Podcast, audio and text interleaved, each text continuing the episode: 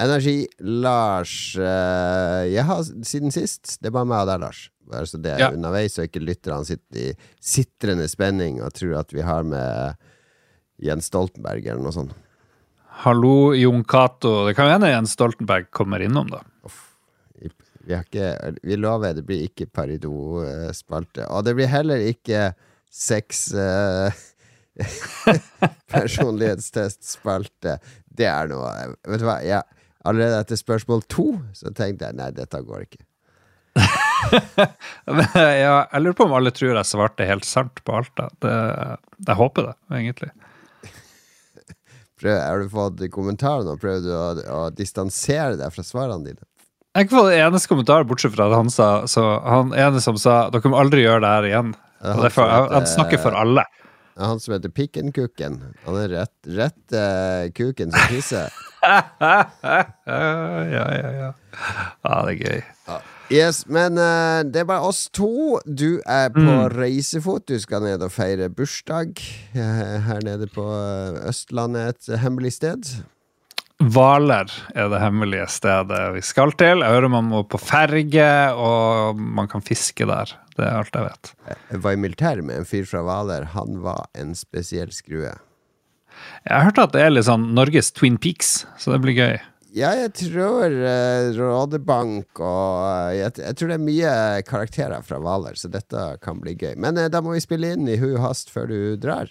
Så det blir Ja. oss da. Men vi har jo spillklubben, og vi har spilt nye ting siden sist. Og vi har Boom. egentlig nok av ting å snakke om. Eh, mange lurer sikkert på, eller de skjønner jo nå at når jeg prater det, Dette er ikke en AI-generert stemme. Jeg er fortsatt i live etter forsøk på telting i Ja! høyfjellet. Det eneste jeg fikk, var en snap, og du var på tur opp med din sønn, og så Ja. hørte ingen noe mer fra hva som skjedde. Nei, det ble litt spennende. Nei, fordi vi, vi, eh, vi var litt sånn småforkjølt. Jeg har vært sånn småforkjølt i tre uker. Jeg var jo sjuk for eh, to og en halv uke siden. Altså, Jeg har ikke liksom klart å trene ordentlig etter det. Jeg har Fortsatt vært litt sånn gruff i halsen. Men nå var jeg så hypa på å dra opp hit og få gjennomført den teltturen, så jeg hadde jo pakka og fiksa alt og gjort klar bensin og pakka pulken. Og han sønnen min var også ganske gira. Han Trym, som han heter. For for flere lyttere har sikkert hørt navnet hans før. Eh, så eh, Men han var også litt begynt å bli snufsete og vondt i halsen. Men så shit, det var så fint vær, eh, så vi spente på oss skia og pulken, og vi var egentlig ganske klare. Og så gikk vi sånn herre ja, fem kilo, seks kilometer. Men det var 200 høydemeter, så det var mye stigning og sånn. Og så merka jeg jo at eh, formen er jo ikke topp. Og så når vi begynner å komme der oppe, så begynner sola å forsvinne. Ja, vi hadde jo gått sånn at det skulle være et par timer dagslys igjen når vi kom opp, sånn at vi skulle ha tid til å få opp telt og alt før det ble mørkt. Så, og det har begynt å blåse ganske kraftig og bli overskya. Så jeg har jo sjekka værmeldinga, det er jo meldt sånn stiv kuling. Så vi begynner jo Det aner meg, aner meg hvordan det her går. vi begynner jo å sette opp teltet i vindretninga, for det skal man gjøre. L- Styre litt med det og sånn, men så ser jeg jo at han er eh, ganske dårlig, egentlig. Han er sånn som ikke sier ifra. Han er helt motsatt faren sin. Han er sånn som ikke sier ifra når han er Hvis han våkner en morgen og sånn der, eh, hører han hoste og harke og kommer ned til frokost, hva er det en vanlig 14-åring gjør da, hvis du spør 'Å, er du dårlig?' Han sier jo Uh, hvor er det du må hjem fra skolen. Nei, hans standardsvar er sånn her Eh, går greit. Og så går jeg på skolen. Så, så Og så begynner, jeg å bli Og så begynner jeg å tenke, Fordi ikke sant når vi først har slått opp teltet, det har blitt mørkt Det er jo dette det her vinterteltinga handler om. Det handler jo om å ta avgjørelser på stående fot som kan ha dramatiske konsekvenser. Ikke sant? Når Lars Monsen må jage bort bjørn, eller når du skal gå over en sånn israk der det kan rase sammen. Du må ta vurderinger som kan ha fatale konsekvenser. Ja, det kan være aggressive sauer i området. Ja, det er også. Eller uh, rike hytteeiere. Så, så jeg, må jeg tenker nå, ok, fordi når vi først er committa til å legge oss i det teltet, når det er ferdig slått opp og sånn, mm, så må vi bli her eh, til i morgen når det blir lyst. Vi kan ikke drive og gå ned på ski i mørket og ikke med den vinden som er nå. Og den vinden her kommer til å være her i morgen òg, men det går greit å komme seg hjem i lyset. Men hvis vi blir mye dårligere i løpet av natta, så er det ikke noen sånne escape-greier ned til Paracet og en varm dyne. Det så, så jeg, jeg, veier for og imot, så sier jeg ok, vet du hva, Trym, vi kommer oss opp hit nå. Vi pakker på oss, og så drar vi ned. Ja, det var han enig i. Så vi kom oss ned eh, akkurat når det begynte å bli skikkelig mørkt, så kom vi tilbake til hytta. Alle var helt sjokkert. Men kona mi var litt nervøs, for hun hadde jo sett en av vind som kom òg, og begynte å tenke på oi, oi, oi, hvordan skal dette gå. Og så da lå vi sjukt de neste to dagene, så var jeg ganske forkjølt. Men det var den siste bølgen av forkjølelse, da.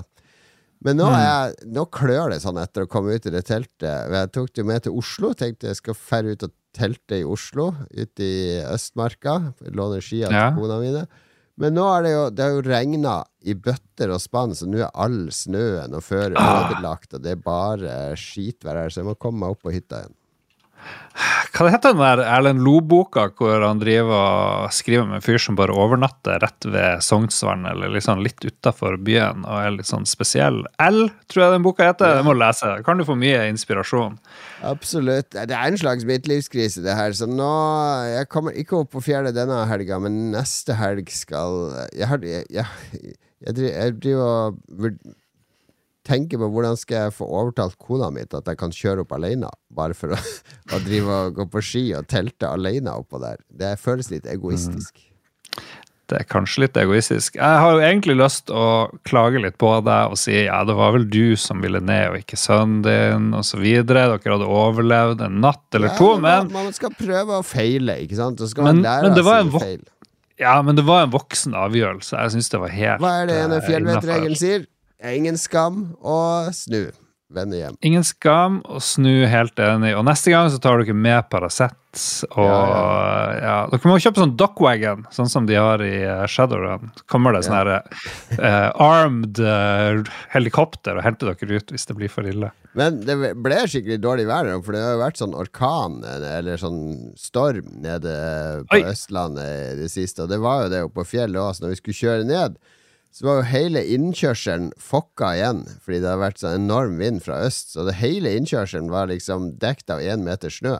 Så vi hadde ikke sjans til å komme ut med bilene, og veiene var helt uh, ødelagt. Så vi måtte vente på plog og nesten kjøre i sånn kolonne nedover, for det var helt hvitt.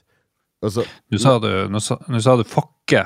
Fokka. Så nå blir AI-en i fremtida, når den skal aldersrangere alle podkastene, så nå blir det her en 18-årsepisode. Ja, det, det, det, er det jo allerede. Men det lærte jeg Jeg snakka om det her på jobb, den der turen hjem. Fordi det, det var litt uh, styr første 20 minutter når du kjører i det fokket. Uh, fordi Igjen? Ja, det var snøfokk overalt, ikke sant. Så jeg snakka med, med, noen på jobb om det, og han bare å ja, ja, å, det hørtes dramatisk ut. Så var det ei på 30 som hørte på, og hun bare Altså, veien var helt fucka. Nei, nei, det, det var fuck. Hæ? Hun hadde, aldri, hun hadde aldri hørt begrepet fuck eller snefokk. Det var helt ukjent for den, eh, den stakkars unge damen. Eh, og da skjønte jeg plutselig at ok, dette er sånn uh, begrep, gamlemanns og litt nordlendingsbegrep, som østlendinger mm. egentlig ikke skjønner. Det er fuck, og så er det fette nice. blir fette nice òg, hvis du sier det til en uh, østlending på uh, under 30 år. De bare Hva, hva, hva behager? Hvorfor snakker de om fitten min? de, de, tror det handler om fitte. Det, det, er jo ikke det. Det er jo bare, det er jo bare fett. Det er kult. Fett er nice. Mm. Det du ikke vet, det er jo Eller du vet det litt, men jeg var i begravelse i dag og anbefalte podkasten til alle dine gamle slektninger og bekjente av dine slektninger oppe i Harstad. Så jeg drev faktisk og delte lenke til Lolbua til en sånn ca. 70-80 års gammel kvinne. Så nå blir å sitte og høre på det her og bli meget sjokkert over språkbruken. Men det er bra. Det, er jo, det har vi snakka om før. Din drømmedame er jo 70-80 år, så det er jo smart rekka mm. det å name-droppe podkasten og sånn for å prøve å komme ned i uh, de Comfort Drops-luktende trusene til uh, de gamle damene. Den beste looken, det er helt hvitt hår. Det oh, er yes. Oh yes. Nei, hva med deg? Ditt liv, da? Nei, jeg har vært på begravelse i dag. Jeg har jo nevnt tidligere at uh, vår venn Gunder mista sin far, så i dag var begravelsen. Mm. Uh, den der uh, Jacobs obo, nei, hva den heter En eller annen av sin obo ble spilt. Verdens tristeste sang. da begynte Hva faen heter det for noe? Obo. Obo. Obo. Obo. Eh, classic. Hva faen heter det for noe? Eh, jeg husker ikke. Ja, ja. Det er en sånn obo uh, Det er ikke spilt med oboen, bare sangen heter det, liksom. Um, uh, og det er sånn ofte brukt i film. Gabriels obo heter den. Okay, ja. Og den ble spilt i blant annet The Mission. Uh, Ennio Morricone uh, osv. Men uansett Fikk grått litt i dag, og det er deilig. Det er deilig å få, få ut uh, Det ble ikke sånn strigråting. Um, det var jo en 82 år gammel mann som døde. Det er liksom ikke så ille, men det var sånn på grensen til uh, heftig gråt. Men det er trist når foreldre til kompiser dør. Da sitter, man jo og tenker, da sitter jo jeg og du og tenker på våre egne fedre som har dødd. ikke sant? Skal aldri se dem igjen. Alt de kunne opplevd, osv. Um, det som ellers har skjedd i livet, det er at jeg, jeg har fått innsikt vil du anbefale å gå i begravelse for å få grått litt? Er vi Ja. forsmak på den spalten? Eh, Ja, hvem det er? Er det ikke noen folk som går bare i begravelser til ukjente bare for å få gråte litt? Det tror jeg er en ting. Ja, det var jo en Kristoffer Schou-bok der han gikk Når det står 'på vegne av venner' i dødsannonsen, så er det jo en person der de ikke har eh, Som ikke har familie eller venner, og de ofte begraves Ja. alene. Og da er det jo en prest der som står og holder Selv om det er tom sal, så er liksom presten forplikta til å liksom ha den seremonien. Men får alle dødsannonser? For jeg lurer på om det er sånn at ikke alle får det. At det er bare folk som dør i stillhet.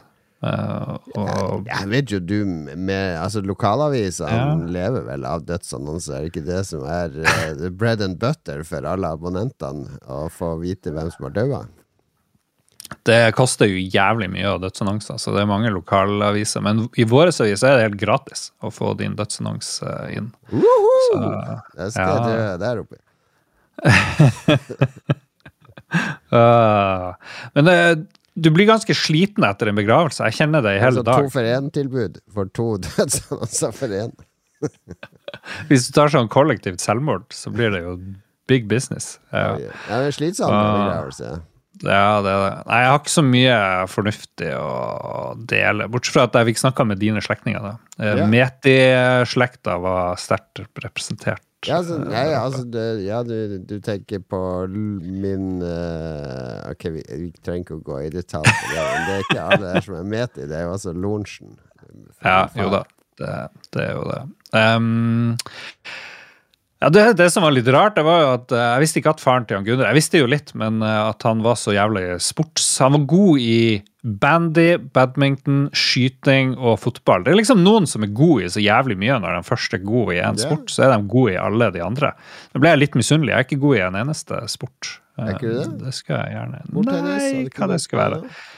Jo, det er helt ok i bordtennis. Min bror var i bordtennisturnering eh, første gang på 30 år, og han havna jo i mellomsjiktet med en gang. Så jeg tror kanskje jeg kunne hevda meg litt der, da. Men eh, sånn Hva er er nå det. god til da, Lars? Sånn overall. I Jeg vet ikke. Eh, flink å skrive, da. Det kan jeg gjøre på Ja. en god dag. Ja. Prate med folk, få Og så er jeg veldig god å lage forside. Jeg kunne jobba i Dagbladet, for å si det sånn, og VG. Det Ja, ja. kunne jeg lett gjort. En tabloid. tabloide greier, det syns jo jeg er gøy. Eh, for du ser jo tallene gå opp og ned. Eh, etter fire minutter så vet du er det her en sak som går bra, går den dårlig, må vi gjøre noe, må vi bytte bilde, må vi ha mer uh, lys som blinker, osv. Ja, Prat med eh, Robert Rupert Murdoch. ja, jeg tror han hadde likt meg. Ja. Og apropos uh, Juicy News, så skrev jeg en litt sånn uvanlig sak i dag. Um, fordi jeg fikk masse avisutklipp fra Klassekampen, Jaha. som jo vi eh, Som jeg prøvde å abonnere på mange ganger, men klarer aldri å lese nok til at jeg føler at det er verdt det. Og fra Aftenposten, hvor du jobber av og til, og som jo er en respektert avis. Og der sto det at eh, ungdomspartiet Rød Ungdom, der er smuldrer det opp. Det Ja. smuldrer opp. Eh, De har eh, i et nylig landsstyremøte så har de suspendert fire-fem medlemmer fordi de driver og går på tvers av partiets interesser. Vet du hva de har gjort? De har hatt en Discord-gruppe hvor, de, eh, hvor de kalte det for marxistisk et eller annet. Marxistisk revolusjon. Jeg husker ikke hva de kalte det. Og det er den gjengen som vil ha mer marxisme. De vil ha mer kommunisme, for å si det sånn. Ja. Eh, mer radikal vending på partiet. Ja, ja, ja. De var samla, og det liker, ikke, det liker ikke hovedpartiet. Så de bare suspenderte hele gjengen. Og det som er gøy, det er jo at eh, anklagene om eh, sånn her undergraving av partiet, det stammer fra Rød Ungdom i Harstad. Oi, oi, oi.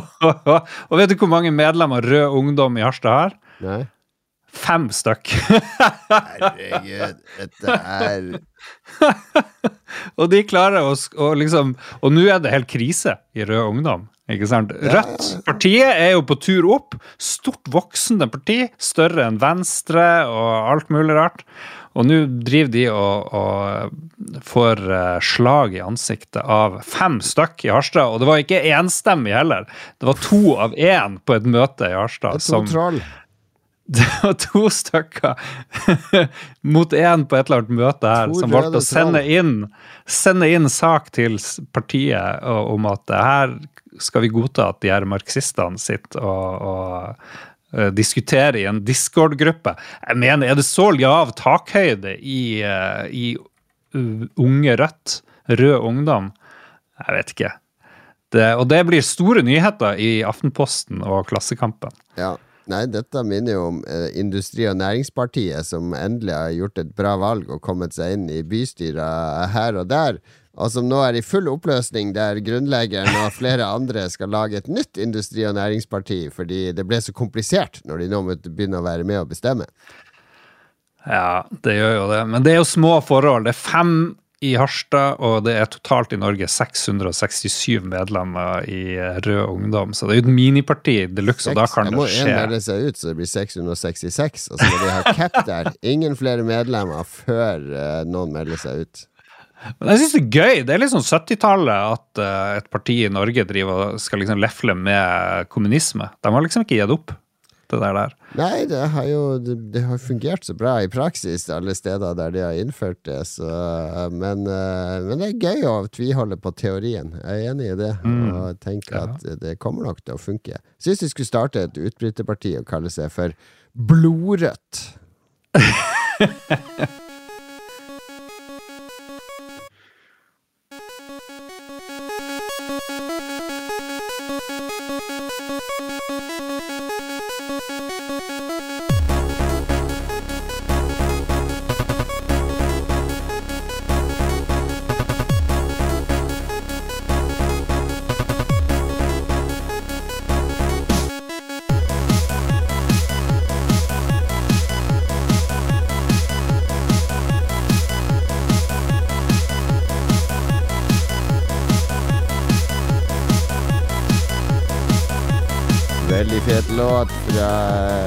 bilspill.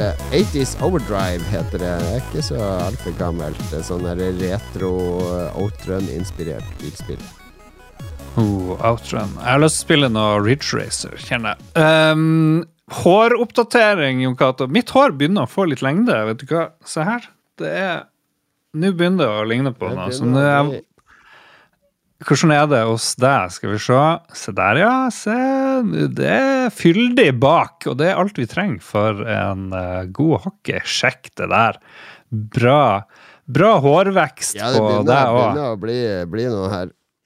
Ja, så jeg var innom en frisør jeg vet om i byen, så jeg sa hva jeg skal gjøre. Han bare sånn, bare la det gro. Jeg, jeg gidder ikke gjøre noe, bare la det gro om lenge. Ja, ja. Det blir bra til sommeren med dobbel hockey på logoen her. Sette trender som vanlig. Og eh, når det gjelder artige ting vi gjør eh, Våre swappere har nå fått eh, Jeg tror de fleste skal ha fått den her Ja, vår. har den var veldig bra. og ikke har fått gave, så må du ta kontakt, for nå har jeg sendt ut til alle. Alle har jo fått en fantastisk Lolbua termoflaske, er det ikke det det heter? Mm. Den er, jeg liker ikke termoflasker generelt, men den her var perfekt. Det var ikke så masse dill og dall. Nei. Det er en kork, og that's it. En kork og en metallflaske med en eh, enkel Lolbua-logo laserinngravert på den hvite metallflaska. Eh, minimalistisk, men eh, den holder faktisk godt på, på kulda. Jeg bruker den på jobb. Eh, og vi har, har et lite lager her av de, så vi har litt merch til live-events og sånne ting eh, i Jeg syns det fremtiden. var, jeg synes det var en som skrev at eh, korka funka ikke ordentlig. Nei, så hvis du har en defekt du har jo sett overarmene Ja, ja. på Lico. Herregud, her har han bare skrudd til og bare sprengt alle gjengene i den der korka. Altså, ikke Ah. fleks musklene når du bruker termoflaske. Ja, Du må være en liten pike når du skal skru den igjen. Ja, Det tror ikke det er lov å si. Nei. A little girly man. Spilt siden sist, Lars. Yeah, de do. Jeg har gjort en innsats, en liten innsats. Jeg har spilt noe gammelt eh, som stadig oppdateres, og så har jeg spilt noe som tror jeg kom ut i år, sent i fjor. Jeg har spilt Steamworld Dig, Oh, ja. det nyeste spillet i Steamworld-serien, som er vel lagd av noe svensker eller dansker, jeg husker ikke hva det er. Det er jo sjukt mange spill i den der uh, Steamworld-serien. Veldig mange av dem er bra. Ja. Steamworld uh, Heist er sånn her turn-based uh, Sett fra sida Sånn XCOM-greie. Den er veldig bra. Du drar rundt i verdensrommet og er- skyter pirater, eller du er en pirat. Jeg husker ikke helt hva det var. Det har Rune, det var veldig gøy. Og så har du Steamworld Dig, som vel var det første de lagde. Det finnes Steamworld Dig 1 og 2. Steamworld Dig 2, helt perfekt. Det er kjempegreier. Du skal bare grave ned etter skatter, og det er kjempeartig. Litt sånn Metroidvania-aktig. Du får nye evner å styre på. Og så kom jo da Steamworld eh, Hva faen det heter det jeg har skrevet? Det heter ikke Dig. Build, tror jeg det heter. Unnskyld. Eh, det- ja, det er bild du snakker om. Ja, det er bild jeg snakker om. Og det er, kom nylig. Koselig. Det er jo det samme universet. En sånn steampunk-roboter, men her er det sånn SimCity-aktig på lavt nivå. Um, jeg vet ikke hva de heter, de her nye sånne bildegreiene. Det er liksom ikke en gigantisk by. Det er ikke City Skyline hvor du skal liksom bare bygge masse greier. Her er det litt mer sånn Settlers-aktig, kan du si. Eh, Hakket hakke større enn det. Og det virker koselig. Jeg har bygd veier, jeg har bygd en lumbermill, jeg har bygd ditt og datt. Eh, Du kan oppgradere byen din og bygningene, og det kan bli større og større. Og så har jeg skjønt i introen at du skal, til slutt skal du liksom begynne å mine og grave nedover eh, i jorda. Jeg er ikke kommet så langt. Um, veldig intuitivt og lett å bytte mellom ulike ting når du skal bygge. Veldig lett å bygge veier. Det er veldig smooth. Og så, og så Av og til så mister jeg litt tråden hva det er jeg skal gjøre nå. Um, det er vel det Steamworld-spillet som har er det det det vil si? ja, Det virker ganske avslappende. Det går ganske chill for seg. Men av alle de Steamworld-spillene, så er jo det her liksom det jeg bonder med minst, for å si det sånn. Jeg er ikke noe sånn bilde... Jeg likte veldig godt SimCity før i tida. Det var jo Ja. noe av det første jeg spilte på PC sånn ordentlig. Men eh, jeg er ikke noe stor fan enda, det må jeg bare si. Eh, da var, må jeg si Trackmania var morsommere. Aldri spilt noe særlig Trackmania før. Eh, masse modes. Du har jo sånne her, eh, gale løp hvor du, hvis du bare kjører feil én sving, så er du ute. Da er, alle, da er alle de 20 andre du kjører mot, da er de forbi deg, og du er alt er lost.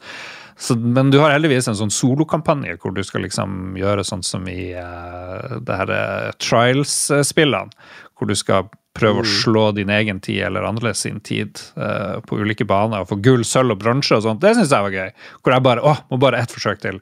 Eh, du bare trykker på B på Xbox-kontrolleren, og så begynner hele banen på nytt. Liksom en gang, push, Og da kan du jo spille det i to timer og prøve å liksom finslipe banene dine. Og det er kommet vinter 2024-baner. Det finnes sikkert en milliard baner på det her spillet som er sånn Men er det, Jeg har aldri spilt Trackmania, men jeg, sånn som Rune Fjell Olsen, han var jo religiøst fanatisk opptatt av Trackmania, for eksempel. Han Mm. spilte sjukt mye. Og jeg har sett noen videoer av det.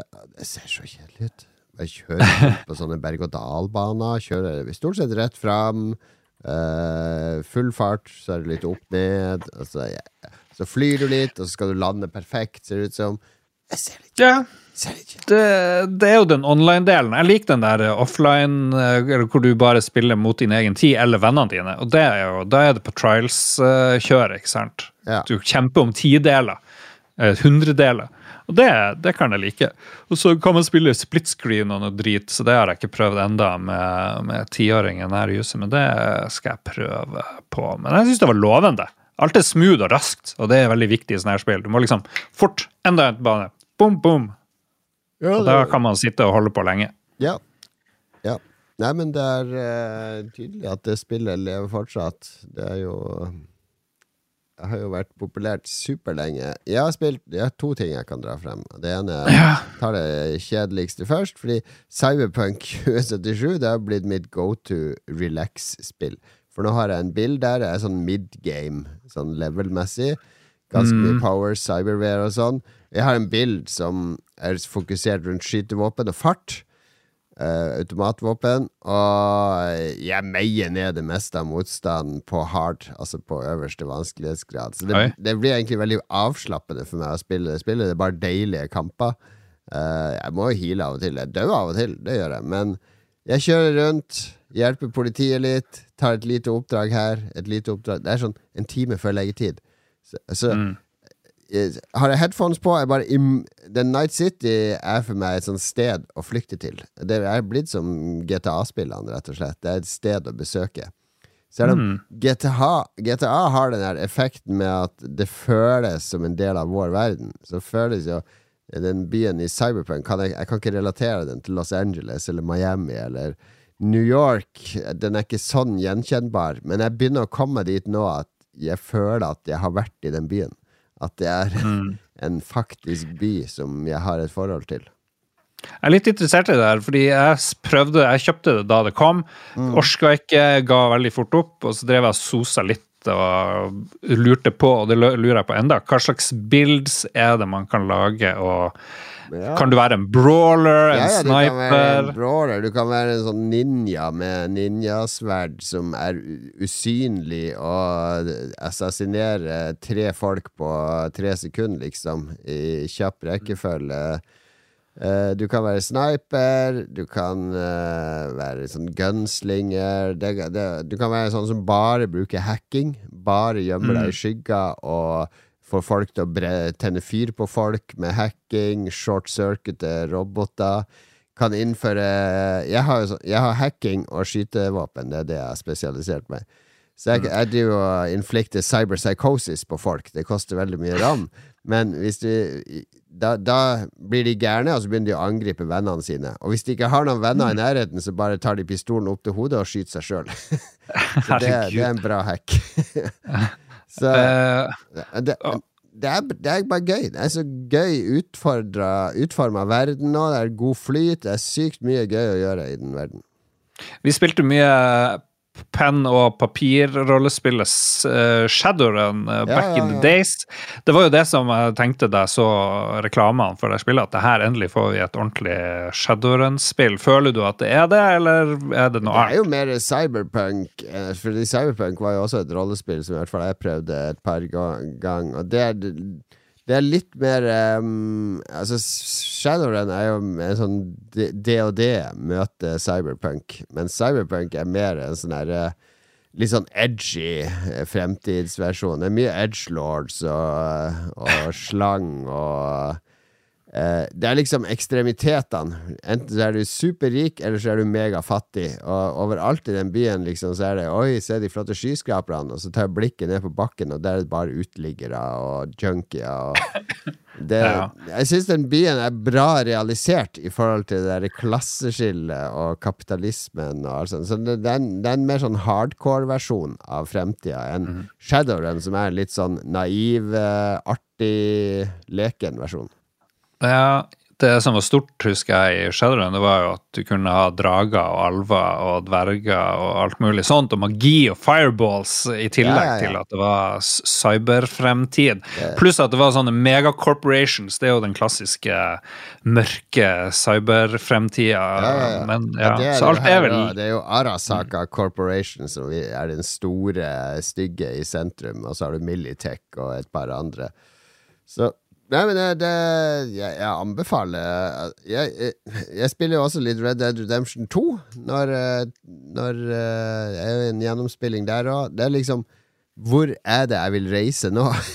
Enten er det Night City og brutaliteten der, så er det Red Dead Redemption 2 og liksom det landlige, det gamle. Jeg vil enten reise fram i tid eller bak i tid. Det er en god, god forklaring. Og jeg, jeg elsker jo egentlig disse detaljerte, veldig vakre, eh, åpne verdenene, der man bare kan eh, eksistere og reise rundt i, har jeg funnet ut. Jeg har en svakhet for sånt. Og det trenger ikke å være så komplekse systemer som i Skyrim eller Starfield, eller disse forsøkene på å lage komplekse rollespill. Det handler mer om bare å lage en verden som jeg har lyst til å være i. Så det er Cyberpunk. Men det jeg egentlig har spilt, som jeg sparte til slutt, beste til slutt, er årets første Goti-kandidat for min del, oh. som også er på Switch, og som jeg vil anbefale deg meget sterkt, Lars, å laste ned og ta med deg på reisen sørover. Det heter Balatro. Og Balatro. de siste årene så har det jo vært en sånn der bølge av uh, kortspill, ikke sant? Det Ja. begynte med Heartstone og, og Gwent og mange av disse. Og så kom liksom eh, Hva heter det der eh, spillet som alle elsker? Slay the Spire, ikke sant? Slay the Mm. Spire, som liksom, der du er en kriger, skal kjempe deg oppover i et tårn eller gjennom en grotte. Og så bygger du ut kortstokken din hele tida underveis, så du får masse nye synergier og powers og, og ulike abilities som eh, vekter deg i en eller andre retning, eller gir deg den fordelen, men da har du også den Ja. Eh, Det er masse sånn balanse i kortspillene, og det, dem har det kommet mange av. Monster Train, uh, Slade the Spire. Det er en haug med sånne spill. Det er også norske sånne spill som er laga. Det kommer sånn cyberpunk-spill fra Megapop uh, Games. Så Kjempepopulær sjanger, og mitt problem med Slade Aspire Spire og alle disse er litt at det må alltid ha en sånn teit setting. Altså det, det skal være en sånn setting rundt det. Så det Balatro har gjort, det er rett og slett at du skal spille poker. Eh, samtidig som du kan bygge og manipulere kortstokken din. Altså, eh, hver runde er en kamp mot en blind. Eh, den første er det small blind, er sånn mini det, Ser ut som en boss. En small Ja. blind, en medium blind og en big blind. Og klarer du de tre, så går du opp en ante. Så det er om å gjøre å komme seg opp til ante åtte. Altså det er åtte ganger 3 24 runder. Og i hver runde så har du må du spille opp til fire eller fem Du har fire eller fem hender du kan spille ut for å bekjempe bossen. Og du spiller da vanlig Du skal omgjøre å få ut vanlige pokerender. Altså tre like, eller hus, eller straight, eller flush. Så det er litt genialt, fordi alle Hvis du kan poker, så skjønner du hva du skal gå etter der. Du trenger ikke å lære deg det pluss én-kortet der, eller den uh, mana og alt sånne abstrakte ting. Det er hjerte, rute, kløver osv. Men selvfølgelig, du kan få spesial Du kan få oppgradere et kort så at det blir uh, alle suits. Det fungerer som alle suits. Eller Og så har du uh, I tillegg til dette så har du jokere, som er sånne permanente kort som du har liggende oppe, som manipulerer reglene. Altså, så, omgjør, beste er at de gir deg ulike multipliers. Så hvis du spiller par, så får du alltid multiplier ganger ti. Så da vil du, strategien din da vil være å gå for mest mulig par. Så, så det høres Det er veldig vanskelig å forklare Det er som Tetris, det er veldig vanskelig å forklare det her og få det til å høres så feiende ut. Men det er helt sykt kult mange synergier mellom jokere, og så har du noen sånne planetkort, og så har du noen sånne uh, uh, Skal jeg discarde? Du kan enten discarde eller spille ut en hånd, og en hånd kan være alt fra ett kort til fem kort, maks fem kort. Og du kan discarde opp til fem kort. Så, og du har alltid ni kort tror jeg, på hånda, så du har ulike hmm, Jeg kan gå for en straight, jeg mangler ett kort for å gå en straight. Jeg tar en discard, yes, så får jeg en straight. Og så kan du levele opp straighta, du kan levele opp flusha, så de gir deg større multipliere resten av runden din. Så det, det er Rogue, og med bare helt sykt fengende. Bare, det, det er så langt 6000 reviews på Steam med overwhelmingly positive. Det, er- det er helt jeg, Det var så vidt jeg klarte å legge det fra meg på Steamdekken etter middag i dag. Lå på sofaen, og da hadde jeg en perfekt run. Jeg klarte å få en perfekt synergy, så jeg runda liksom alle åtte antene og låste opp masse nye moduser. Mm. Så Nei, det er det, det mest perfekte deckbuilding rogelight-spillet som er lagd. Glem Slay the Spire. Dette er den nye kongen, folkens. Jeg ser du har masse, masse sånne booster packs, hvor du kan få sånn eh, nye kort og ditt og datt. Blir du anbefalt å bruke penger, liksom? Nei, nei, det er ikke noe in game purchases. Det li- med, hver gang du har spilt en omgang eller bekjempa en blind, så får du litt sånne dollars i spillet. Eh, og der, der har du noen jokere. Jeg hadde en joker nå i den runden her som ga, alltid ga meg fire dollar etter en vellykka runde. Så da har du penger å kjøpe booster packs eller nye jokere eller andre typer kort med. Og de booster packs de gir deg ofte Du kan oppgradere et kort til å bli et wildcard, altså alle kort. Eller du kan oppgradere et kort til å bli et gullkort eller et glasskort. Det er liksom forskjellige typer kort som gir forskjellige typer multipliers og synergier. Du vet hva den beste multien er? Det er multiland! Ja, ja, ja, men det er litt Det er uh, Det høres så kjedelig ut Jeg skal spille med vanlig kortstokk, og det er ingen tematikk. Det er ikke noe sånn her du skal bekjempe en demon, eller Det er disse jokerne som på en måte er tematikken, fordi jokerne eh, former hele spillet. Hmm. Og så kan det, ja, du må velge Du kan ha maks fem jokere ute, så de fem du velger, de på en måte definerer taktikken din. Mm.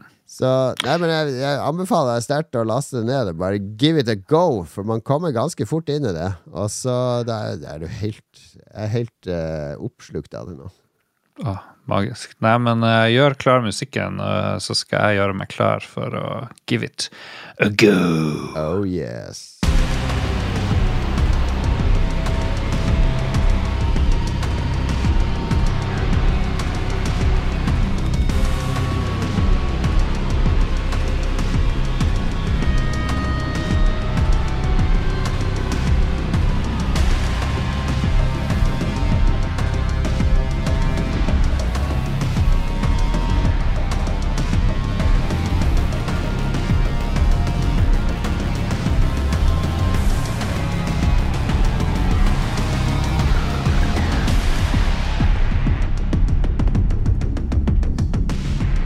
Dramatisk er det når uh, man spiller Armored Core 6 Fires of uh, Rubicon. Lenge siden du har spilt det? Jeg Ja, ga meg hva, ganske det, fort. jeg ga meg også ganske fort. Det, jeg klarte jeg aldri helt å komme ordentlig inn i det. Det var et tricky, tricky spill, men uh, spørsmålet er er Planet of Lana et tricky spill. Å, for nå er det nemlig uh, spillklubben. Uh, og vi har spilt eh, et av, en liten perle fra i fjor, i hvert fall for folk som liker spill som eh, Flashback og sånne type spill. La oss høre litt på åssen dette spillet høres ut.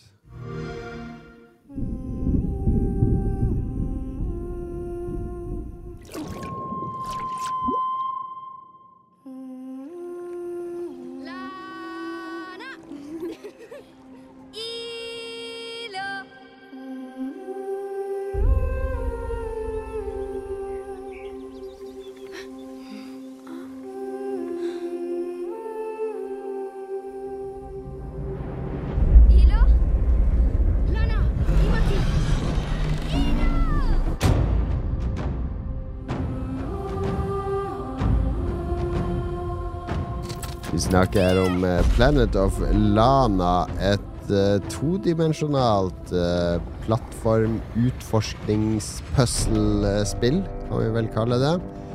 Uh, Laga litt i samme ånd som type Another World og Flashback, for de som er gamle nok til å huske disse, som var hva, hva skal vi kalle de? En slags eh, intelligente plattformspill. Altså er det veldig historiebaserte plattformspill. Um, Ja. Det ble jo tatt videre med Limbo og Inside og sånt. Ja. De spillene der. Det er liksom moderne varianter av det. Der det ikke går ut på som i Mario å samle gullmynter og få power-ups og hoppe i hodet på fiender, men å bruke litt kløkt og omgivelsene, tolke ting og ja, komme seg videre. Overkomme puzzles og fysiske hindre osv. Ja, før vi liksom går veldig inn på hva det er, skal vi høre på Boisemann, eh, sånn at vi Han slipper å si akkurat det vi sier. Ja, vi kan godt ta inn Boisemann uh, først her, fordi han har som vanlig bidratt uh, med sine tanker rundt spillet. Han var veldig takknemlig for ukas, uh, eller denne eh, episodens spillklubbvalg. La oss høre på Boisemann. Planet of Lana kom ut på GamePass like før sommerferien i 2023, og jeg runda det rundt den tid. Så om noe jeg sier her bommer på noe, så får dere ha meg litt unnskyldt. At dere må ta litt på hukommelsen. Spillet er en science-scrollende plattformer med puzzle-elementer som du kan finne på alle spillplattformer. Eh, I spillet så spiller du som Lana, ei jente som for vår del er på en fremmed planet. Eh, Du blir også tidlig kjent med en kattelignende skapning som heter Moi, og Moi blir med deg på mesteparten av reisa gjennom spillet. I tillegg til å være nødvendig eh, for å gjennomføre ulike puzzles i spillet, gir Moi også en oppløftende følelse å spille gjennom. Eh, er rett og slett en veldig søt companion hele veien. Historien starter med at Lana sin søster Ilo, med resten av landsbyen hennes, jeg tror det var Tailo, eh, plutselig blir kidnappa av invaderende romvesener. Lana begir seg ut på ei reise for å redde både søstera og resten av landsbyen. Eh, Og redde bl.a. Moi fra et bur på turen. Med Moi skal du da traversere ulike typer landskap, landskap som skog, vann, ørken osv. Du blir også introdusert for ulike spillmekanikker underveis, og blir gradvis utfordra i større og større grad utover i spillet. Eh, Det kan være miljønavigasjoner som har blitt gjort. Du møter på de her romvesenene kommer for å ta mer eller mindre alle på planeten, eh, og skal snike unna dem. Og det er andre farlige ting som også er ute etter å ta deg. Eh, Alt det som er nevnt til nå, klarer spillskaperne å gjennomføre med bravør. Men det som virkelig skiller Planet of Lana fra andre spill i samme sjanger, er den grafiske stilen. For godt in der himmel så pent det er. Om det er håndmalt eller ikke, det kan ikke jeg si, men det virker sånn i hvert fall. Og hadde jeg en master i kunst, så ville jeg klare å formulert meg på en langt bedre måte for stilen som er brukt der, og hvordan fargepaletten virkelig legger tonen for det spillskaperne prøver å formidle. Men det har jeg ikke, så dere får bare ta meg på ordet på at det er pent. Kort oppsummert skal man si det sånn her. Om man liker spill som Inside eller Limbo eller ja, den type spill, men heller vil ha en mer fargefylt historie, så er Planet of Lana virkelig spillet for deg. Takk til uh, Boysemann. Uh, hva sier du, tenker du om det her, Lars? Jeg tenker jo at han, uh, han gir meg jo lyst til å fullføre det, fordi da det kom, så var jeg blant de første som, som hev meg på toget. For det, jeg har, etter at jeg spilte f.eks. Inside, Ja. så, så var det som å få heroin, og jeg leter etter der, eh, det samme rushet. Men jeg har ennå ikke funnet noe som, som kommer i nærheten av det de her danskene klarte med sin limbo-oppfølger. Og jeg har spilt eh, Somerville, som jo er en sånn slags oppfølger, men hvor eh, de der idiotene som lagde Inside, de, eh, de brøt jo opp, ble uvenner Ja, osv. du må jo spille Cocoon, for det er jo det han andre eh, fra Ja. Playdead har laga. Ja, og han er jo tydeligvis den som er flink til å lage spill, fordi det her Summerville var litt sånn janky shit, Uh, helt ok, men ikke i nærheten. Og da, da, da Planet of Lana kom, så tenkte jeg oh, eh, fuck de her eh, Summerville og de der gjengen der, nå er det Planet of Lana som gjelder. Fikk jo sånn godfølelse, fikk litt sånn for meg så minner det litt Kanskje, kanskje er fordi jeg har de her flashback og litt sånne de her prins av Persia-aktige tingene i bakhodet, så jeg koste meg veldig. Men jeg følte ikke at det fenga meg sånn sinnssykt nok den uh, første tida jeg spilte det. Så da ble det liksom bare OK, jeg hoppa videre og prøvde noe annet. Men uh, siden Boysemannen er så, så positiv, så skal jeg hive meg med. Jeg vet ikke om du er enig? Nei, jeg spilte et stykke Jeg spilte det på Steamdekken når jeg lå forkjølt opp på hytta her. Og jeg tror jeg spilte et godt stykke. Det er um, uh, Det stemmer det han sier med grafikken, fordi det er noe uh, Det er noe veldig giblisk over grafikken, ikke sant? Altså Inside har en ganske sånn og Limbo eh, har jo en veldig sånn mørk estetikk. Dystert. eh, de forteller mye med silhuetter, lys, eh, skygge osv. Og, mens dette er veldig fargerikt og pent, og Ghibli er det, det, det får meg til å Altså, det, veldig, det starter jo veldig grønt og fint, og mye natur og, og trær og vind og blader som rasler og så videre. Så det får en veldig tilstedeværelse som jeg blir imponert av. Fordi vanligvis sånne her spill er jo handler Det er liksom faser du ut litt grafikken, for du fokuserer på Ok, jeg må komme meg til det punktet før han vakta der snur seg. Og så, så blir det litt sånn her eh, En sånn mekanisk filter oppå, så grafikken faser du liksom ut etter hvert. Mens her så griper jeg meg stadig og stopper bare for å eh, ta inn omgivelsene. Med jevne Ja. mellomrom. Og så syns jeg det er en, eh, fortalt veldig bra. Altså Limbo og Inside er veldig kompakte i hva de forteller. De er veldig fokuserte på å gå fra opplevelse til opplevelse til hendelse. Hvis det her tar seg litt tid med Nå skal du bare løpe bortover her i, i et, et minutt før du kommer til liksom neste puzzle. Eh, så- Ja. Vet du hva, jeg, ja. jeg liker ikke det, altså.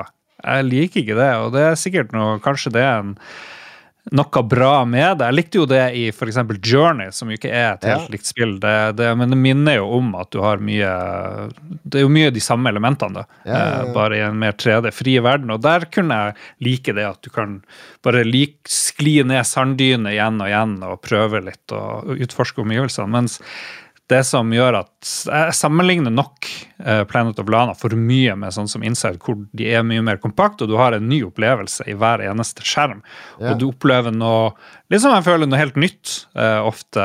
ikke sant? Oi, denne verden her har aldri vært borti. Mens Planet of Lana det er sånn hm, Ja, jeg føler jeg har vært her før, liksom. Ja, men du får jo Har du spilt det, du får det kjæledyret. Fordi- Ja. ja. Ja. Og da Du får jo etter hvert nye måter å manipulere og løse ting, og det er nye uh, det, det er nok Det er jo ikke sånn som Inside og Uh, Inside er kanskje litt mer sånn helhetlig designa fra start til slutt, mens her er det litt mer sånn stykka opp med Ok, nå er det dette som gjelder. Nå er det dette som gjelder. Så Sånn sett så er det kanskje litt mer basic designa, men det, det gjør ikke noe for meg. Og det der, de der reisedistansene Det gjør bare at jeg blir Jeg tror mer på verden. Eh, ikke sant? At jeg ikke tenker at nå er det, jeg spiller bare et dataspill. Eh, ja. det, jeg tror jo for så vidt på verden i Eller jeg tror ikke helt på verden i Inside heller, fordi den føles som et dataspill som er laga for å få meg til å interagere med omgivelser og eh, Jeg vet ikke, jeg forklarer det litt dårlig nå. Jeg, Inside for meg er som en tegnefilm, eller en Pixar-film. Jeg tror jo ikke på handlinga i Toy Story, eller at, det skjer. Men jeg kan jo tro på en ekte film jeg ser, at oi, dette er noe som faktisk kunne skjedd. Ikke sant? Hvis du skjønner. Inside er for meg Ja. det er mer sånn fabel, mens Lana for meg det er mer sånn Ok, dette, dette kunne kanskje ikke skjedd, men det føles mer ekte enn uh, en Inside. Jo. Inside er jo mer et mareritt, egentlig. Ja, ja, ja, Hvor eh, si. logikken eh, er ikke helt til stede. ikke sant? Men du må bare følge en sånn. Jeg- Jeg hater sånn der når man skal snakke om ting, og hele tida skal man si å sammenligne det med Jo, jo, nei, men det, jeg, jeg vet at det er urettferdig, men det, liksom, det var noe sånn det var for min del. Ja. Uh, ja. At det ble sammenligna. Men eh, siden både du og Boysemann er positive, Ja, så skal og det er, jeg det er veldig meg videre. god Jeg syns åpninga er kanskje et av spillets sterkeste, fordi du må gå fra høyre til venstre gjennom denne landsbyen som er bygd eh, av planker og sånn plankehus oppå vannet, med masse liv og folk, og du skal liksom følge etter, og der er søstera di gjennom hele landsbyen, opp på fjellet, og så kommer du opp der, og så boom, så kommer disse romskipene, og ting blir skummelt, og søstera di blir tatt. Og så løper du tilbake til landsbyen, og så er den jo Du må løpe gjennom den samme landsbyen, bortsett fra at nå er det aliens her, folk er tatt, eh, ting er i ruiner. Den veldig Jeg syns den åpninga er helt fenomenal effektivt fortalt. Og spillet bruker jo ikke tekst eller dialog, takk Gud at det ikke stopper opp for eh, lange dialogsekvenser. Det forteller alt via enkle rop og sånn. I sånn sett minner det også, når du får denne kompanjongen din, så er det jo Det er sånn klassisk spilltrope som vi har sett i Aiko og i oppfølgeren til Aiko. Altså det der med å få en kompanjong som du skal bli glad i. Det første spillet jeg opplevde det i, var jo eh, Planetfall. På Altså Ah, ja. teksteventyret til Steve Muretzky som han lagde for Infocom på starten av 80-tallet. For der får du en venn som heter Floyd The, Floyd the, the Droid, som han heter.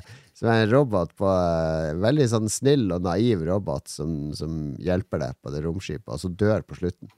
Og det var sånn genuint trist. Et rent teksteventyr. Og måtte ta farvel med Floyd the Droid, som ofra seg for at jeg skulle klare å rømme fra romstasjonen. Ja. Hva heter tredje spillet? Ico? Aiko, hvordan uttaler det? Og så var det Shadow of the Colossus, og så kom det med den der Last store Guardian. katta. Lost, Guard, Last Guardian. Det er der, Nå snakker vi spill. Nå Ja, da, vi men vi, vi snakker en samme måte å manipulere deg som spiller på, ved å få deg til å føle eh, Føle noe for et annet vesen i spillet. Ta vare på et annet vesen. ta vare på et annet vesen. Ja, men det er noe der. Det når dama di, eller hva hun er, i IKO driver og sliter. Det er jo, Jorda. eh, det er jo Og er ikke dama di, hun er en prinsesse. Du er jo bare en liten eh, gutt som prøver å beskytte henne. Jeg tror det går veldig dårlig å beskytte henne i det spillet, gjør det ikke det? Jeg Kan ikke helt huske hvordan det gikk. Ja. Gjør det. Nei, men IK hadde jo denne eh, egen knapp for å ta henne i, holde, i, holde henne i hånda. ja Og genistrek. Genistrek for alle nerdete jomfruer som satt der og drømte om en kjæreste og nærhet. Og. Perfekte incel-spillet. Det, det er jo det noen av disse spillene handler om, disse som har companions, er jo nærhet. Eh, de formidler jo en følelse av nærhet eh, og tap, og, og gir deg lyst til å beskytte eh, og kjempe for det du eh, har kjær.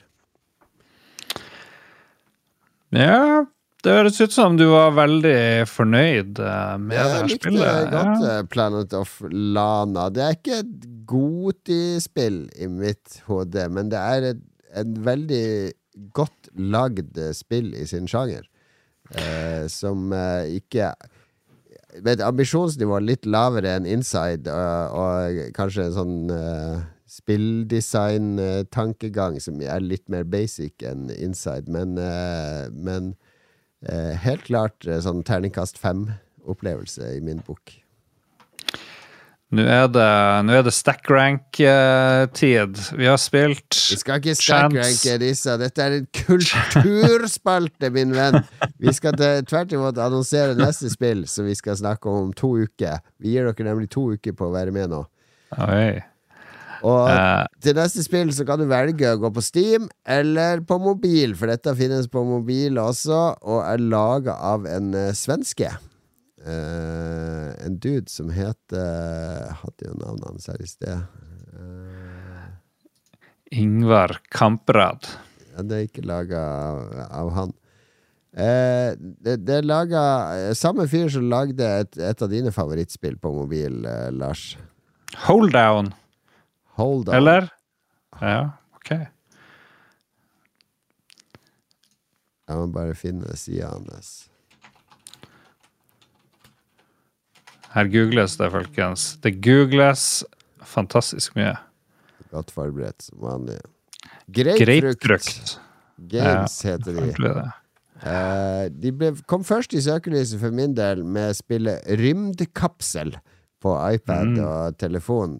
Som var et sånn 3D-isometrisk byggespill.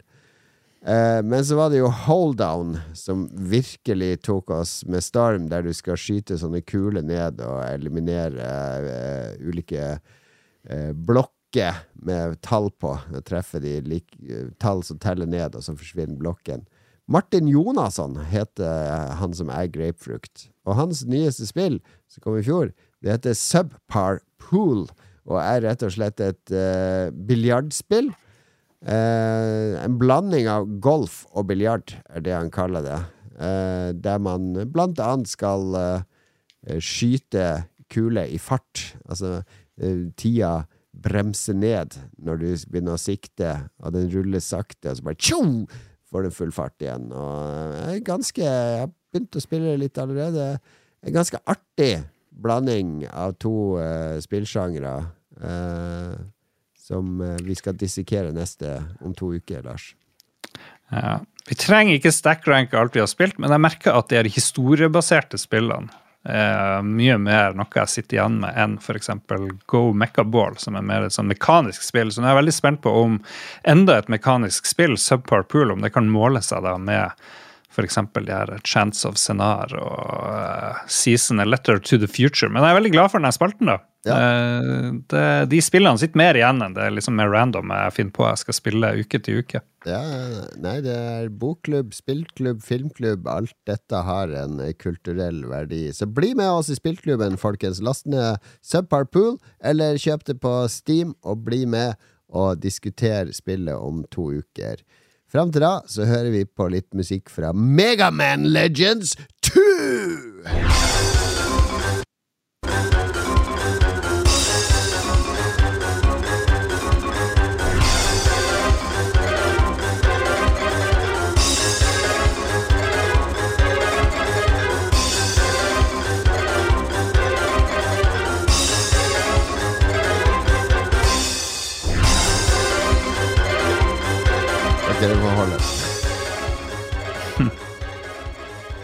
That's enough. Ja, den står skrevet på katakana her, så jeg husker ikke helt hva det heter. Gjett, vi har en venn som Nei, vi kan ikke, jeg kan ikke si det. Eh, anbefalinger, Lars? Ja, jeg har en litt sånn uh, artig ting å komme med. Uh, jeg anbefalte TV2, Å, Forrige uke. herregud, du kan, du kan ikke Ok. og jeg går tilbake på det. Det er ikke den beste TV-kanalen eh, likevel. Det som er den beste TV-kanalen det som er den beste TV-kanalen, kanalene, det er 19, MTV 1980s og MTV 1990s som har egne greier. Jeg måtte jo fære inn, jeg kjeder meg en dag. Jeg gikk inn på Altibox eller hva jeg har for noe, og så så jeg hvilke kanaler jeg kan få, for jeg har jo fremdeles det der greiene. Så da sparka jeg bort via Sport og via Play og alt det der, så tok jeg inn masse drøsskanaler. Alle MTV-kanalene og sånt. Og så plutselig så snubla jeg over Alternative Nation i reprise på eh, MTV-retrogreiene og koste meg veldig med gammel alternative ting. Jeg har ennå ikke funnet Headbangers Bål. Jeg håper det også eksisterer på opptak et eller annet sted. Og litt sånn inspirert av det, så googla jeg meg frem eh, til eh, MTV Music Video Awards, som var en sånn ting når man var liten. Det var litt gøy å se på, og så fant jeg annet et seks timers opptak med pre-show, hovedshowet og ettershow fra MTV Awards 1992 med Dana Carvey som er ganske dårlig programleder. Men det var jo magisk å sitte og bare ha det i bakgrunnen på en sløv søndag, eller når jeg hadde det. Det bare sto i bakgrunnen, fikk se sånne her gamle reklamer for musikkassetter fra TDK. Eh, Hvor de spilte på sånne drugs og piller som utvida seg når de skrudde på kassetten. Masse skittige reklamer for Levis eh, og mye sånt. Standarden på reklamer i 92 var ikke helt oppe på, på dagens nivå, muligens. Eller kanskje de var bedre, alt ettersom. Men det var veldig gøy å se Nirvana var jo nominert til Ørten-priser. Eh, Metallica nettopp slått gjennom med sitt Black Album, eller hva det var for noe videre. Veldig gøy å se Eddie Murphy kom og gjorde litt ting. Veldig koselig å se uh, i HD, faktisk. eh, 1992 MTV eh, Awards. Så det anbefaler både det og de her retro-MTV-kanalene, for det er koselig nostalgi. Så nå skal jeg lete flere gamle MTV Video Music Awards. Skal jeg liksom kun leve i fortida. Jeg ser jo at på Internet Archive, som er en er et helt fantastisk sted, der ligger det veldig, veldig mye eh, MTV-opptak. Ja, så gøy. Lurer på om Headbangers Ball er der, for det var jo helt, det var jo der man oppdaga Guns N' Roses og alt mulig rart. Back in the days. Jackass Original Show, complete unedited, ligger her. Jeg visste ikke at TV-serier og sånne ting var der. Nei, altså uh, Internet Archive har det aller, aller meste. Eh, De er veldig gode. Uh, masse recordings fra 1984. Fra 1988. Det er helt sikkert Headbangers Ball her òg. Ja. Vet dere hva de spilte i 92 på VMAs, eller hva det heter for noe? Da hadde de en duett med Elton John og Axel Rose, som spilte den der enormt pompøse November Rain, eller hva det var for noe. En sånn enormt lang versjon, og det som provoserte meg, var at han bare spilte piano. De hadde sånn piano som toucha hverandre. Litt sånn erotisk. To store peniser. Axel Axl Rose og Elton John. Men Elton John fikk ikke synge. Bare han der Axl Rose som skulle stjele all eh, limelighten der. Masse Headbangers Ball òg på uh, internett. Ei, ei, ei. Nå snakker vi! Archive. Så her er det bare å kose seg. Men det var en annen Headbangers Ball i USA, vet du. Det var ikke hun der uh, Jeg vil ha hun der dama fra, US, fra England, ja. Hva var det hun het igjen? Jeg husker ikke hva hun het for noe. Hmm. Headbangers Ball. Husker hun godt, da. Ja, ja, ja. Hun hadde sånn enormt kult hår. Ja, ja. Ja, ja. All right. Okay. Vanessa Warwick kan det være Vanessa to. Warwick var det, ja. Ja, ja, ja. Hva gjør hun i dag, tror jeg? Er jo live. Det hadde overraska meg. Det er jo, hun er jo selvfølgelig er hun i live. Oi, det var podkast. Vi kan se Vanessa Warwick interviews Motorhead in a strip club! Her hun er med Face in the Crowd-podkast er hun gjest på. Oi. Hmm. Kult. Snakk om, snakk om tida si på, eh, på MTV. Så gøy. Ja, her, jeg sendte deg link, så har du noe å kose deg med. Ah, shit, boys. All right. Nei, nå skled det litt ut der. Eh, min eh, anbefaling skal komme Nå er du, du er litt på tynn is med disse anbefalingene, Lars. Det må jeg innrømme. Hva det var du anbefalte forrige uke? Fylle bensin. Det her er bedre enn å fylle bensin. Eh, Greit. Ja, greit, jeg skal gi deg den. Men jeg har sett en film som jeg skal anbefale. Og uh, det var litt sånn uh, når jeg og Synne sitter og blar gjennom filmer, det er veldig lite som frister. Fordi det er så mye uh, sånn der eh, 5,2 på IMDb-greier. Det er så mye rett på video. Altså Strømmetjenestene er jo stappfull av rett på videofilm. Eh, for, for unge Ja. lyttere, det var det vi kalte filmer før, som kom først på videobutikken og aldri på kino. Eh, så Og så var det Ofte må jeg finne noe som er et komp... Jeg liker jo skrekk, det gjør ikke hun, og så videre, så vi finner noe som begge kan akseptere.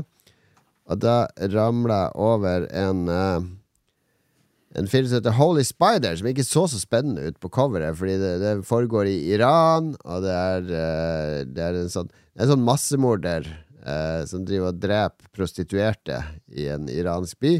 Og så er det en damereporter. Det foregår liksom på 80-tallet der, tror jeg. Som, som prøver å spore han opp sammen med den lokale avisa. Og så bare Ok, ja, men det er en, en sånn krim fra en litt sånn uh, dystopisk uh, religiøst uh, samfunn. Ja, ja, det kan vi prøve på. Og så var den jo faktisk kjempebra, Holy Spider. Det var en utrolig spennende, basert på ekte hendelser. Veldig Ganske sånn brutal. Uh, jeg ble litt overraska over Fordi ofte sånn krimmer uh, med sånn massemordere sånn er veldig sånn Veldig mye klisjeer, både i filming og, og tempo og hvordan de, f- hvor, hvor- hvordan de portretterer skurken osv. Det var mye mer nyansert enn jeg skulle tro. Det var sånn hm, dette er jo egentlig en, en, en ganske original og bra film. Og så så jeg den hadde fått veldig bra kritikk, veldig bra omtaler. Og så så han regissøren, han heter Ali Abbasi. Det ble sånn, ja, Hva er det han har laga? Oi, han har laga dansk film? Han har laga svensk film? Fordi han, han er en iraner som studerte eh, arkitektur. I, i, Han flytta til Stockholm for å studere arkitektur. Og så fortsatte han eh, på filmskolen i Danmark og studerte film. Og begynte å lage film. Og jeg hadde sett denne filmen som heter Border.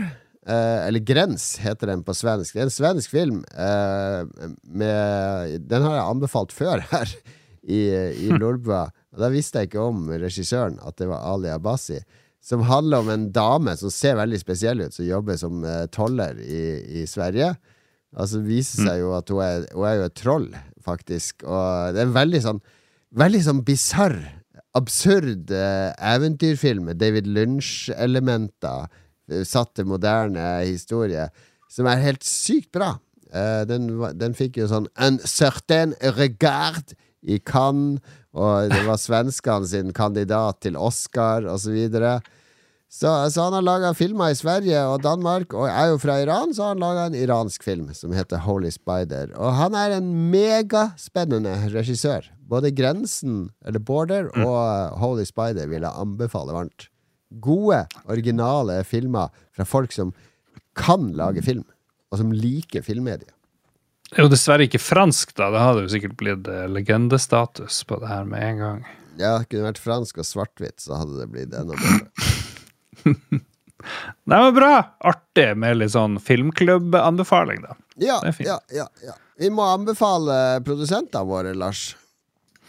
Ja, vi må ikke hoppe over eh, Har vi lytterspalte?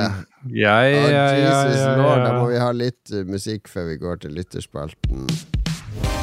Fra et norsk spill. Hvilket spill er det, Lars?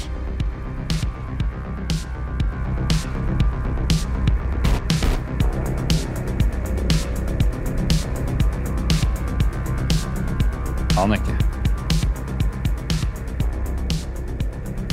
Terror Squid heter dette spillet. Det vant Enemy Gameplay et år. Terror Squid!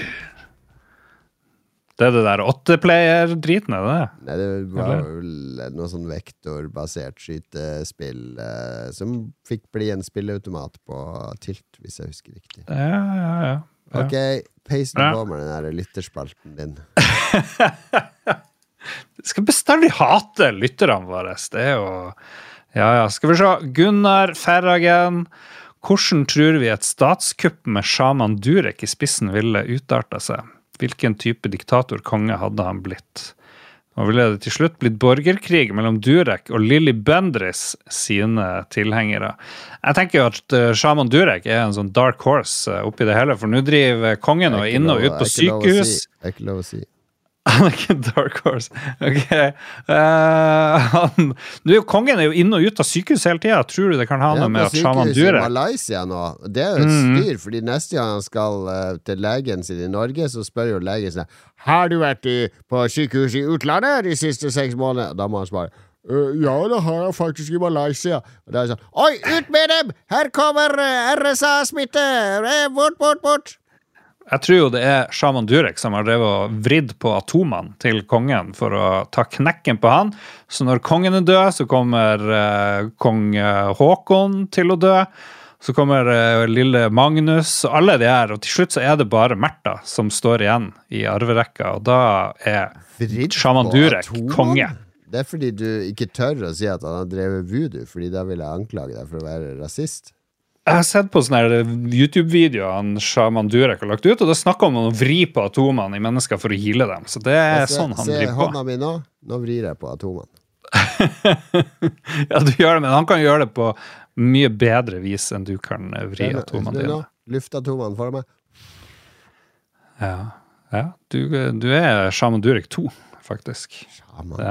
Ja, hva var spørsmålet her? Hvis han Statskupp. Hva slags leder han ville blitt?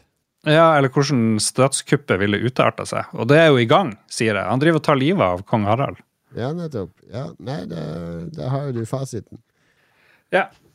Spørsmål, innspill nummer to fra Espen Gjedda Bråtnes. Han vil at vi skal snakke om Røvballebandet. Jeg vet ikke om det er noe som fins, eller om han bare tuller.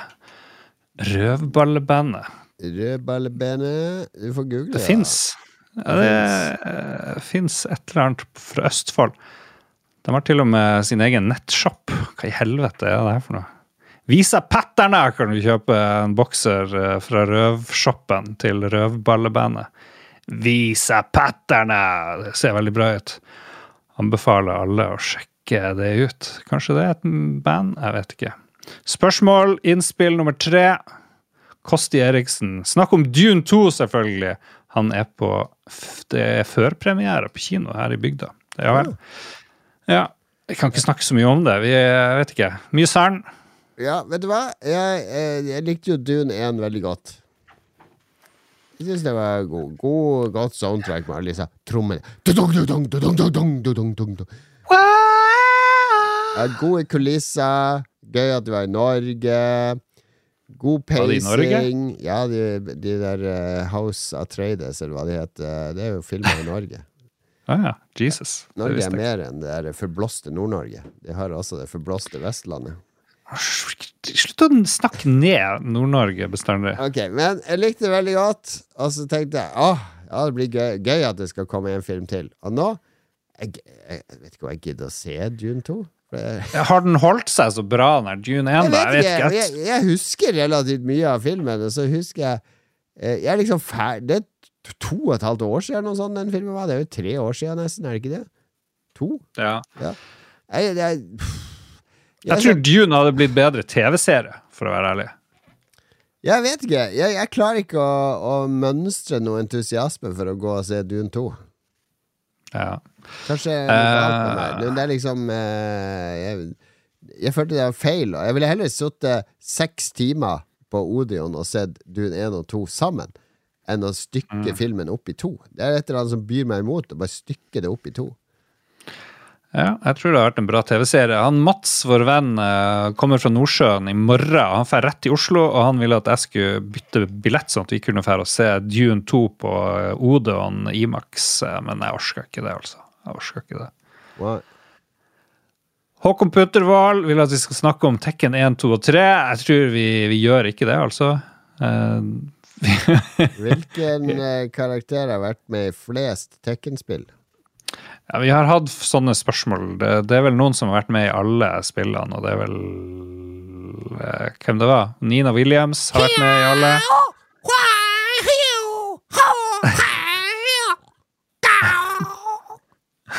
Han Bruce Lee. Han Bruce Lee. Ja, eller Bruce Ja. Lee i Tekken-form, som er uh, jeg husker ikke. Marshall Law. Marshall law. Ja, ok. Greit. Kristian Christian Kjesse vil at vi skal snakke om Commodore 64. Det tror jeg vi heller ikke orsk. Um, Men Det er som eh, Det er sånn sånn der uh, for stort tema. Ja, Ja, men Christian Kjesse er jo som å dra i en snor. Han sier det samme hver gang. Commodore 64! Kan dere prate om Commodore 64? Er det, det er hans dialekt? Det er sånn Christian prater, er det ikke det? Ok, ja. Jo, jeg vil gjerne jeg kom, Vi kan snakke om Commodore 64 når du er med, Christian. Eh, og så må jo dere få i gang det der C64 ett ball, Ja, men som nå er lagt ned. Eh, Joakim uh, von Sødergren. Su Tycoon, Briljant, sier han. Spilte du Zoo Tycoon noen gang? Ja, jeg er allergisk mot alle spill med Tycoon i tittelen. Fordi det gikk sånn inflasjon i Tycoon en periode. Men Zoo Tycoon var vel Microsoft sitt uh, spill. Og eh, hvis Jeg satt og venta lenge på en sånn Kinect-versjon av Zoo Tycoon, så jeg kunne klappe elefanten i stua mi. I stedet måtte jeg ta ned buksa og slippe ut den ekte elefanten eh, fordi det er ren kjedsomhet. What the fuck? All right. Um, Kristoffer a Boys eh, Hansen, Get venn. Snakk om hvordan Cocoon skal være neste spill i spillklubben, for det har han lyst til å prate om. Ja, jeg kommer dit. Kommer dit. Cocoon, fett bra, det har vi allerede nevnt. Um, Skal- Cocoon skal være neste film i filmklubben. Den der eh, om de gamle som bader og blir unge igjen. Ah, jeg elsker han som hadde hovedrollen. Jeg husker ikke hva han heter. Uh, til slutt, Ragnar Veien Tundal. Spiller dere, eh, eller spiller vi, det vi syns er mest gøy, eller er vi slaver av metaen og optimal gameplay? Jeg skjønte ikke helt spørsmålet der, Ragnar. Er vi slaver av metaen? Slaver av metaen betyr at du må alltid spille det nyeste og det som er liksom in akkurat nå. Det som alle snakker om. Helldivers 2, det er liksom metaen nå. Ja, ja, ok. Nei, vi er vel ikke slaver av metaen, men vi spiller jo det som er nytt og føler meg forplikta til å sjekke ut det som er liksom buzz rundt akkurat nå, men det er ofte sånn som eh, Balantro eh, Balatro er jo nå et spill det er mye buzz rundt. Det, det følte jeg meg forplikta til å sjekke ut. Eh, Vet du, ja. Men vet du hva, nå tror jeg jeg skjønte spørsmålet hans. Det var jo bra svart, det òg, men spiller vi for å ha det gøy, eller spiller vi for optimal gameplay og følge liksom det som er best? Eksempel hvis vi spiller Baldur's 3, går vi for en powerbuild som vi kan knuse med, eller spiller vi noe sånn artig eh, som gjør at vi har det gøy i spillet? Det er ikke smart nok til å lage sånn powerbuilds uten at jeg ser på sånn tutorials. Nei, det er ikke jeg heller. Det er ikke i nærheten. Nei, Jeg driter i sånne eh, power bills. Det orker jeg ikke. Livet er for kort til å sitte og gnukke i timevis. Eneste problemet for meg er at jeg veldig, får veldig handlingslammelse når jeg skal lage avanserte karakterer hvor det er altfor mye valg Ja. om skills og ditt og datt. Da bremser det veldig. Så det, det er kanskje det nærmeste. Så det ødelegger litt for meg hvis det er for mye valg. eh, Ja, hvis du lager en karakter, hvis du har sånn stats, Lars, strength og dex og sånt, Mm. Lager du en som er uh, uh, har uh, litt over average på alt, eller makser du to av de, og så lever med at eh, ok, da får resten være liksom helt middels, eller et par subpar? Vet du hva, Jeg klarer ikke å makse, fordi jeg vil ha litt av alt. Og så vil jeg i hvert fall ha en del karisma, sånn at jeg kan liksom Ja, ja, prate. jeg også elsker og karisma. Det er det, eh, det er den jeg booster først. Det er den jeg tenker Vet du hva, jeg gidder ikke å havne i sånne situasjoner der han karakteren står sånn «Øh, øh, øh, Kan jeg få se hva du har i skapet, frøken? Øh?» Og hun bare Nei, kom deg bort, din idiot. Jeg vil gjerne ha en som bare Hello, madam. Jeg skal gjerne se i skapet ditt, eh, søte dame. Å ja, bare ta en titt, du! Det, jeg liker å løse det på den verbale, eh, karismatiske måten. Helt, eh, helt enig. Og apropos karismatiske folk, Hva? våre produsenter Oh yes! Eh, De, vi skal jo nå snakke litt om For de har også 18 i hver sin stat. Og! TTM-eksempel! Vi heier på han, for han har 18 i strength. Det er han vi ringer til når vi skal uh, få hengt opp nye hyller i heimen vår, eller bilen har kjørt i grøfta. Da kommer TTM-eksempel med 18 i strength. Løfter bilen ut på veien igjen. Duke Jarlsberg er kjent for å ha 18 i Constitution. Så når du skal ha sex, så er det Duke Jarlsberg du går for helt til du innser at det aldri tar slutt, og du ligger der seks timer etterpå og skjelver og trygler om nåde. Ja. Christer Lysager derimot, han er kjent ha 18 i Sanity, og det er ikke spesielt bra, for Sanity går fra 0 til 100 i Kutulu, så han er et frynsete nervevrak. Eneste som holder han ved sine fulle fem, er en ukentlig dose Lolbua, som roer nervene hans, sånn at han eh, klarer å håndtere hverdagen. Kong Hong er jo som navnet tilsier en asiatisk legende med 18 i deks. Kan svinge sin nunchako og gjøre ninjahopp over eh, alt. Du klarer aldri å fange Kong Hong. Og til slutt så har vi jo selveste Spruce Band med 18 inches. Oh yeah, oh yeah, for en gjeng. For en gjeng. Vi er så glad for at disse fem Mm. er våre produsenter. Vi elsker dere evig og alltid. Si fra hvis dere vil ha flere termoflasker, så skal vi sende det til dere. Med andre Boom! godsaker. Jeg ønsker en god tur til Oslo, Lars. Tusen takk. En av få Oslo-turer hvor jeg ikke ser deg. Det føles veldig merkelig. Ja, ja, det føles litt deilig. Det, nå blir jeg gråte i Det søvn. eh, Det kan være litt befriende, det òg, da. Men hvem vet, kanskje du ser meg. Kanskje eh, din venn som har bursdag, har leid meg inn som sånn naken mann skal danse ut av en kake. Det kan jo være. Vi må leie deg inn som uh, DJ. Å ja, å ja, å ja. Jeg kan prate honorar etter sendinga nå. Ellers så eh, er det blir Tekken-turnering snart. Skal du si noe kjapt om den før vi gir oss?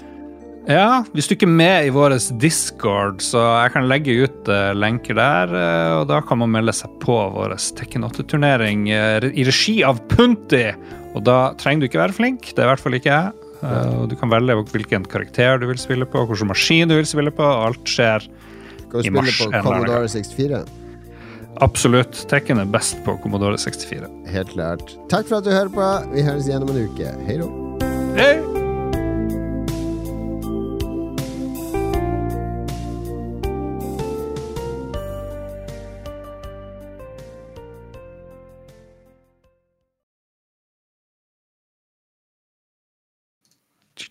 Good, good. Jeg må dra og hente på korps. Får du sett av gårde en splash?